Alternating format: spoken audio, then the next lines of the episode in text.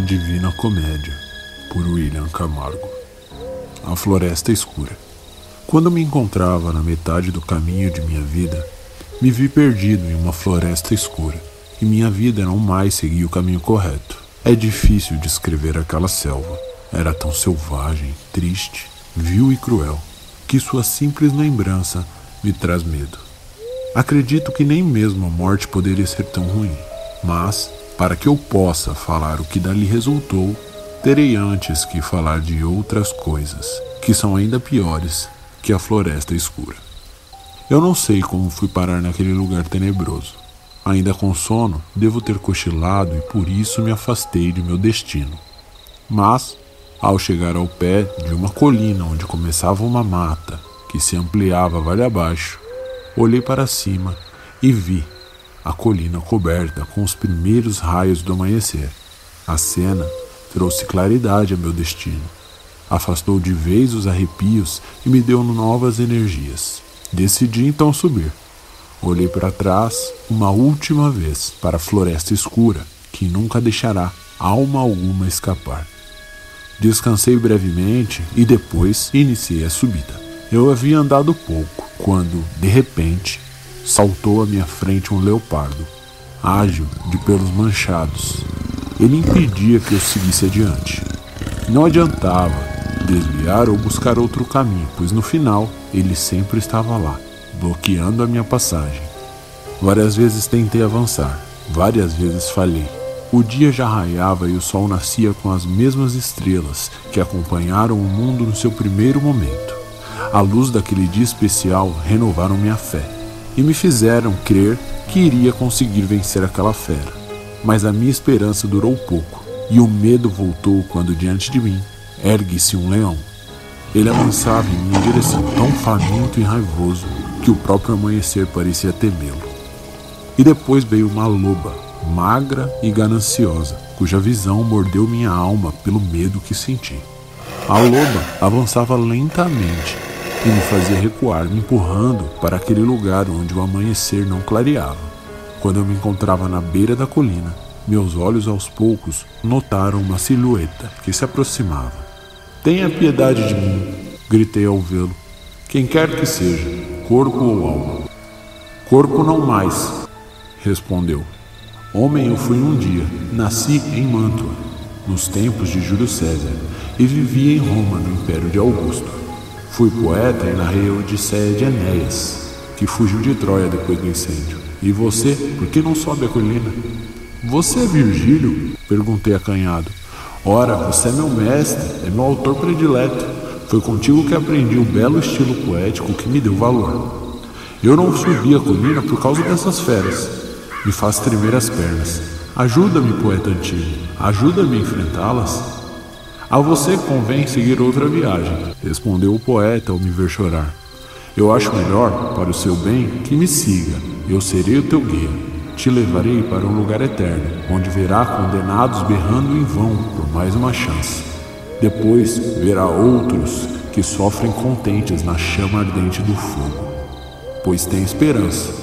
E depois, se quiseres subir ao céu, lá terá alma mais digna do que eu, pois o imperador daquele reino me nega a entrada, porque a sua lei não segui. Poeta, respondi, eu te imploro, em nome de Deus, que me ajude a fugir deste mal. Eu te seguirei a esses lugares que descreveste, que eu possa ver a porta de São Pedro e os tristes sofredores dos quais disse. Ele então se moveu e eu o acompanhei. Já escurecia quando iniciamos o caminho. Ó grande gênio, me ajude para que eu possa escrever sem erro esta viagem que está escrita para sempre em minha mente. E então comecei. Ó poeta que me orienta, julga minha virtude, achas compatível com o caminho árduo que me confias? Não sou ninguém diante de Paulo ou Enéas. Não consigo crer que eu seja digno de tal, nem acho que outro pensaria igual. Se eu de fato compreendi o que acabas de falar, respondeu o poeta, sua alma está tomada pelo medo, que eternamente pesa sobre os homens. Para te livrar deste, deixa que eu te explique como cheguei até aqui. Eu estava com os outros espíritos, suspensos no limbo, quando apareceu-me uma mulher, beata e bela. Ó oh, generosa alma, disse ela, ajuda-me a socorrer um amigo que está perdido na floresta escura. Vá com tua fala embelezada e ajuda-o para que seja consolado. Eu sou Beatriz, que pede que tu vá. Veio do céu e para o céu voltarei. Foi o amor que me trouxe, e ele é quem me faz falar. Ó mulher de virtude, tanto me agrada obedecer-te, que basta dizer o que quer que eu faça, que eu farei. Mas diz: não tem medo de descer até este centro escuro? Deve temer as coisas que de fato têm poder de nos causar malefício. Respondeu: E a nada mais, pois nada existe para temer. A mulher gentil que se compadeceu do que acontece com aquele a quem te envio, pediu a Luzia, dizendo: Aquele teu adepto fiel precisa de tua ajuda. Luzia, inimiga de toda maldade. Logo que ouvi tais palavras, desci aqui, do meu posto, por confiar na palavra honrosa. E assim ela se foi. E eu cheguei para afastar as feras, que impediam que subisse a colina. Então por que tem medo? Mulheres abençoadas olham o seu caminho, não tem por que se acovardar. Depois que ele terminou de falar, eu não era mais o mesmo. Recuperei a coragem, perdi o medo e afastei todas as minhas dúvidas. Imediatamente voltei a confiar na jornada que me fora proposta. E disse-lhe: Seguirei o caminho sem temor. Agora sei que meu destino é guardado. Com suas palavras, tornei-me outra vez disposto. Vamos, que agora ambos queremos a mesma coisa. Agora você é meu guia e eu te seguirei, onde quer que vá. E assim seguimos por um caminho árduo e silvestre.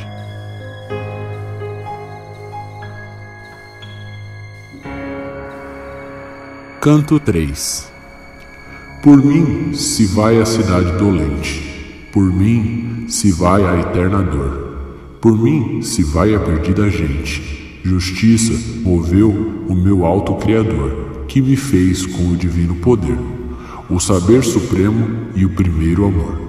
Antes de mim, coisa alguma foi criada, exceto coisas eternas, e eterna eu duro.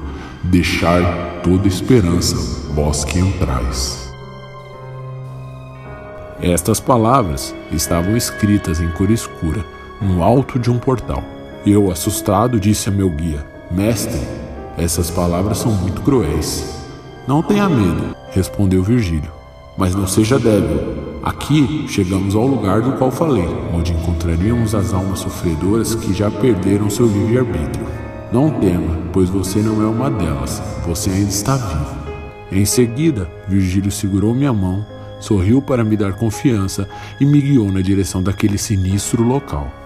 Logo que entrei, ouvi gritos, suspiros e prantos que ecoavam pela escuridão sem céu ou estrelas. Os lamentos eram tão intensos que não me contive e chorei. Gritos de mágoa, brigas, queixas iradas em diversas línguas formavam um tumulto que tinha o som de uma ventania.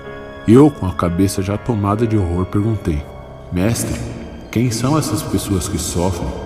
Este é o destino daquelas almas que não procuraram fazer o bem de Deus, mas também não buscaram o contrário, me respondeu o Mestre. Se misturam com aquele coro de anjos que não foram nem fiéis nem infiéis ao seu Deus. Tanto o céu quanto o inferno os rejeita. Mestre, Continuei: A que pena tão terrível estão esses coitados submetidos para que lamentem tanto. Te direi em poucas palavras: estes espíritos não têm esperança de morte nem de salvação. O mundo não se lembrará deles. A misericórdia e a justiça os ignoram. Deixe-os, só olhe e passe. E então olhei e vi que as almas formavam uma grande multidão, correndo atrás de uma bandeira que nunca parava. Estavam todos nus, expostos a picadas de vespas que os feriam em todo o corpo. O sangue escorria junto com as lágrimas até os pés, onde vermes doentes ainda os roíam. Quando olhei além dessa turba, vi uma outra grande multidão que esperava às margens de um grande rio. Quem são aqueles? perguntei ao mestre. Você saberá no seu devido tempo, quando tivermos chegado à orla triste do Aqueronte, respondeu. Temendo ter feito perguntas demais, fiquei calado até chegarmos às margens daquele rio de águas pantanosas e escuras. Chegava um barco dirigido por um velho pálido, branco e de pelos antigos. Ele gritava: Almas amaldiçoadas, vim buscar para o castigo eterno Abandonai toda esperança de ver o céu outra vez, pois vou levá-los às trevas eternas, ao fogo e ao frio. Quando ele me viu, disse: E você, alma viva, saia desse meio, aqui só vem morto. Vendo que eu não me mexia, mais calmo falou: Deve seguir para outro lugar, onde um barco maior te deixará embarcar.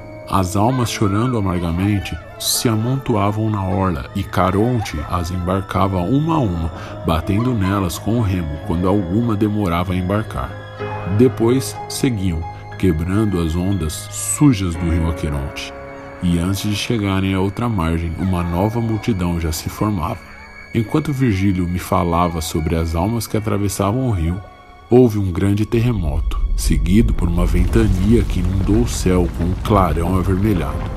O susto foi tão intenso que eu desmaiei, caí num sono profundo.